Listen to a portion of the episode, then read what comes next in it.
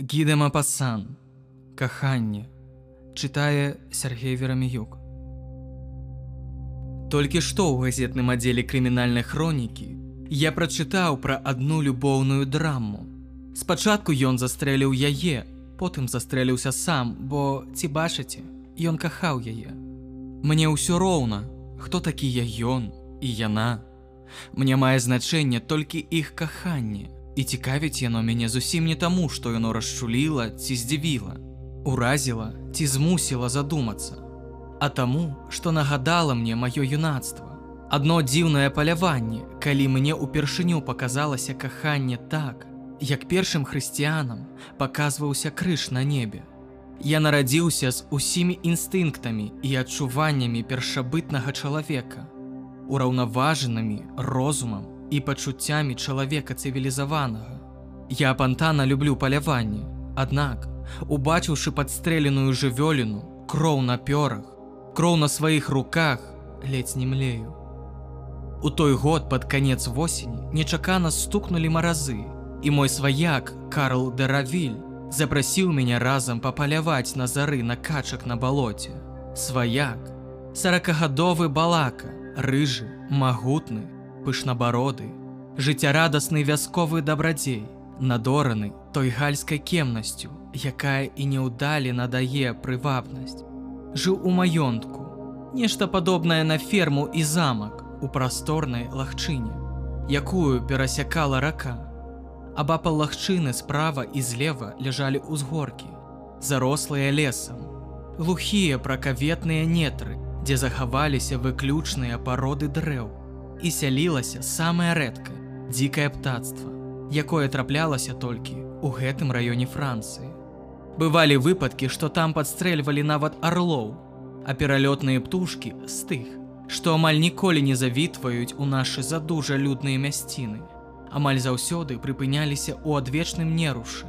Як быццам яны загадзя ведалі ці выведвалі пра той вячысты лясны куточак, які існаваў дзеля іх прытулку на час кароткага начнога адпачынку.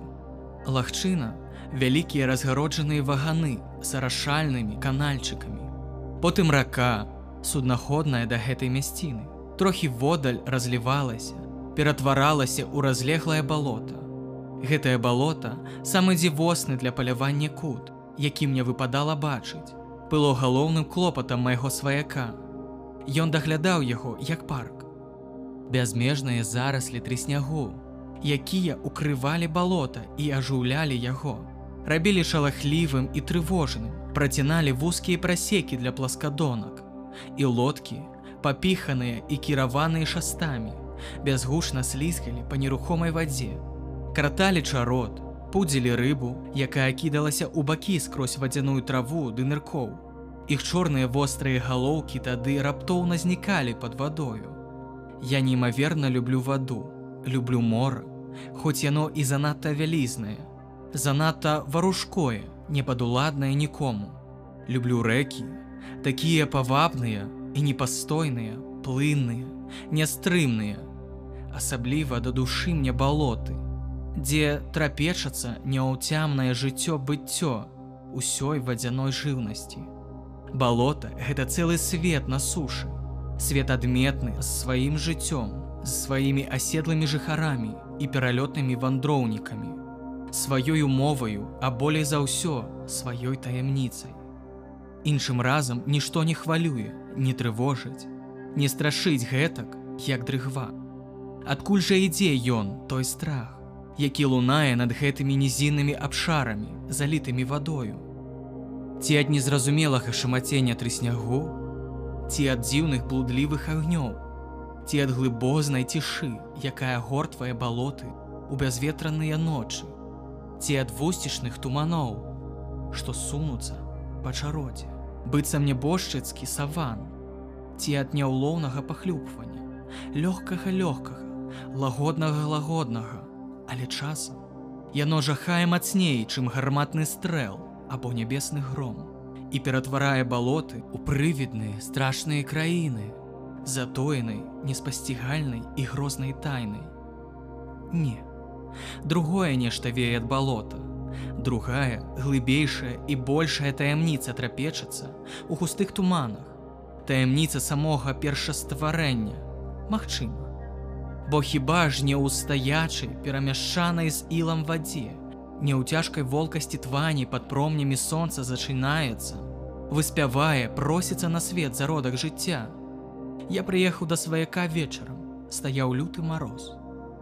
Мы вячэралі ў вялікай зале, дзе ўсюды і на буфетах, і на сценах, і на столі красавалася мноства чучалаў разнастайных птушак, якія то быццам ляцелі, развінуўшы крылы, то сядзелі на прыбітым цвікамі голлі, ястрабы, перапёлачнікі, чаплі, совы, лялякі, коршакі, шулякі, грыфы, сокалы, сваяк, які ў жакеце з цюленевай шкуры і сам змахваў на нейкую дзіўную паўночную жывёліну, расказваў, як ён падрыхтаваўся, каб нам папаляваць у гатую ж ноч. Мы павінны рушыць а палове чацвёртай ранкам, каб па палове пятай быць на месцы, абраным для нашай засады. Там з брусоў лёду ўжо складзены будан, у якім хоць трохі можна будзе затуліцца ад жахлівага ветру, які ушынаецца на золку і пілой упіваецца ў цела, рэжа нажамі, колі атрутнымі іголкамі, скручвае вяроўкамі і пячэ агнём. Сваяк цёр руки. Ну і халадзеча. Такой не было яшчэ на маёй памяці, дзіваваўся ён. А шоста вечара было ўжо 12 градусаў марозу. Пасля вячэры я пайшоў спаць і неўзабаве па праўдзе заснуў, гледзячы на трапятанне вялікіх языкоў полумя ў каміне. А трэця мяне пабудзілі.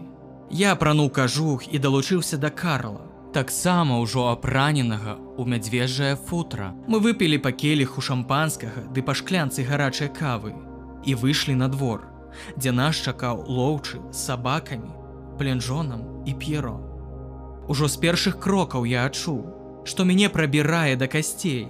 У такія ночы сама земля здаецца мёртвай ад холаду. Ледзяное паветра настолькі шчытнае, што ім балюча дыхаць. Ніводнага павеву, усё навокал знерухоміла, застыла.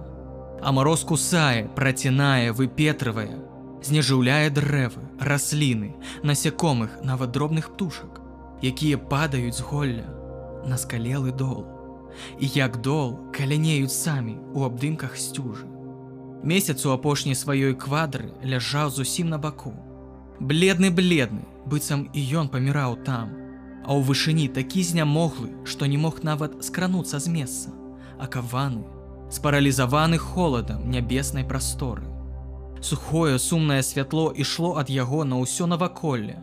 Тое нежывое, сіняватае святло, якое ён штомесяца пасылае зямлі перад канцом свайго адроджанага існавання.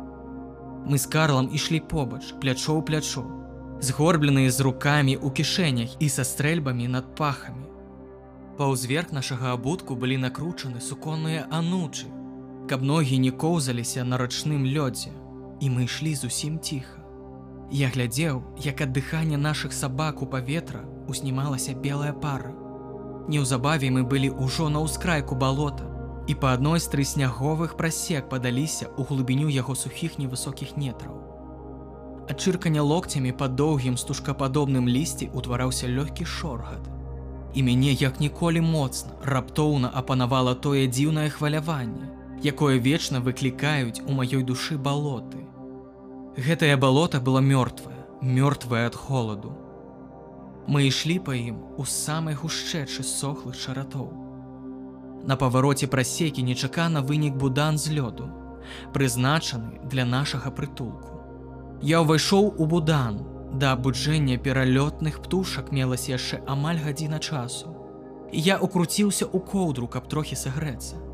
Я ляжаў на спіне і скрозь цьмянае шкло сценаў свайго палярнага дома, глядзеў на цяпер ужо чатырох рогі вышчарблены месяц. Але стынь ад прамерзлага балота, стынь ад сцен будана, стынь, якая плыла з нябеснага скляпення, хутка праняла так жахліва, што я пачаў кашляць. Гэта занепакоіла Карла. Такой бяды, калі паляванне сёння не ўдасся, сказаў ён, не хапала яшчэ, каб ты прастудзіўся. Зараз раскладзём вогнішча і ён загадаў лоўчаму насягчы тры снягу. Трыснёг склалі ў кучу пасярод будана. А ў столе зрабілі дзірку на дым, і вось ужо высока ў гору шуханула чырвонае полымя.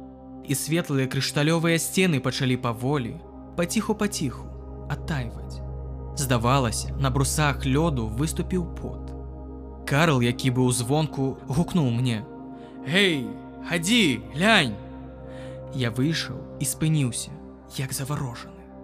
Наш будан, які меў форму конуса, нагадваў вялізную зіходкую перліну, якая неспадзеўна вырасла на замёрзлым балоце.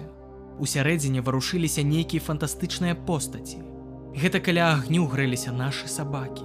І тут да нас дапаў нейкі дзіўны, далёкі, пераменлівы крык. Наша вогніша пабудзіла дзікіх птушак. Нішто не ўражвае мяне так, як гэты першы вокліч жыцця, калі самую істоту яшчэ утойвае змрок а прасцяг перашываецца па дадзеным ёй голасам, які апавяшчае пра з'яўленне на гарызонце першых пробліскаў зімовага дня. У такую студзёную досведкавую часіну мне мроецца, што крык, які імгліва праносіць над зямлёю птушыныя крылы, гэта ўздых самой душы свету. Карл сказаў: « Тушыце вогнішча, святаем, Неба направду святлела, і над намі доўгімі шпаркімі хмаркамі пацягнуліся чароды, качак, і таропка знікалі з відавоку. Жмук агню працяў змрок. Карл стрэліў, і сабакі рынуліся шукаць здабычу. І вось ужо на пераменку, то Карл, то я заўзята ускідваем раз пора стрэльбы. Як толькі на трыснягом з'яўлялася крылатая хмарка, А п'еро і пленжон узбуджана, задыхана нясуць нам апырсканую крывёю дзічыну, якая часта глядзела на нас яшчэ ведушым вокам. Дзень займаўся ясны, блакітны. За ўзгоркамі ўставала сонца, і мы ўжо намерваліся вяртацца дадому. Як тут нечакана проста на нас, выцягнуўшы шыі і растапырыўшы крылы, спікіравалі два чыркі. Я стрэліў. Адзін упаў мне амаль пад ногі. Гэта была качка мандарынка з серабрыстым жыватом. А ў небе раздаўся адчайны крык, жаласны, пакутны, Нястерпны крык ацалелай птушкі паўтарыўся ў падсіненым небе. І маленькая істота закружылася над намі, гледзячы на сваю мёртвую спадарожніцу, якую я падняў з долу. Карл на каленях, з упёртай у плячо стрэльбаю з трывогаю сачыў за ёй. Падчэкваў, каб яна падляцела бліжэй. Ты забіў самку, растлумачыў ён. Самец ужо не паляціць адсюль. І праўда, чырок не адлятаў. Ён безупынна віўся і енчыў над намі. Ніколі яшчэ крык болю не рваў мне сэрца так, як неўцешны покліч, гаротнае нараканне гэтай абнядолены, засмучанай крылатай істоты. Часам качар кідаўся ў бок, аднацэленай на яго стрэльбы. Здавалася, ён быў ужо гатовы ляцець далей адзін. Але ён так і не наважыўся на гэта і неўзабаве вяртаўся назад, шукаючы сваю сяброўку. Пакладзі качку на зямлю, сказаў Карл. Тады ён падляціць бліжэй. І праўда, Чарок адразу ж кінуўся да яе, забыўшыся пра небяспеку. Ашалела ад сваёй птушынай любові да птушкі, якую я звёў са свету. Карл стрэліў. Было такое ўражанне, што з нячэўку лопнула нябачная струна, якая падтрымлівала птушку ў небе. На маіх вачах чорны камячок крута сарваўся ўніз і шумам упаў у трыснёг. П'еро прынёс птушку. Я паклаў абодвух чыркоў, ужо холодных, у адзін падсумак. У той жа дзень я вярнуўся ў парыж. Гідэма пасан, каханне, чытаў Сергей Верамеюк.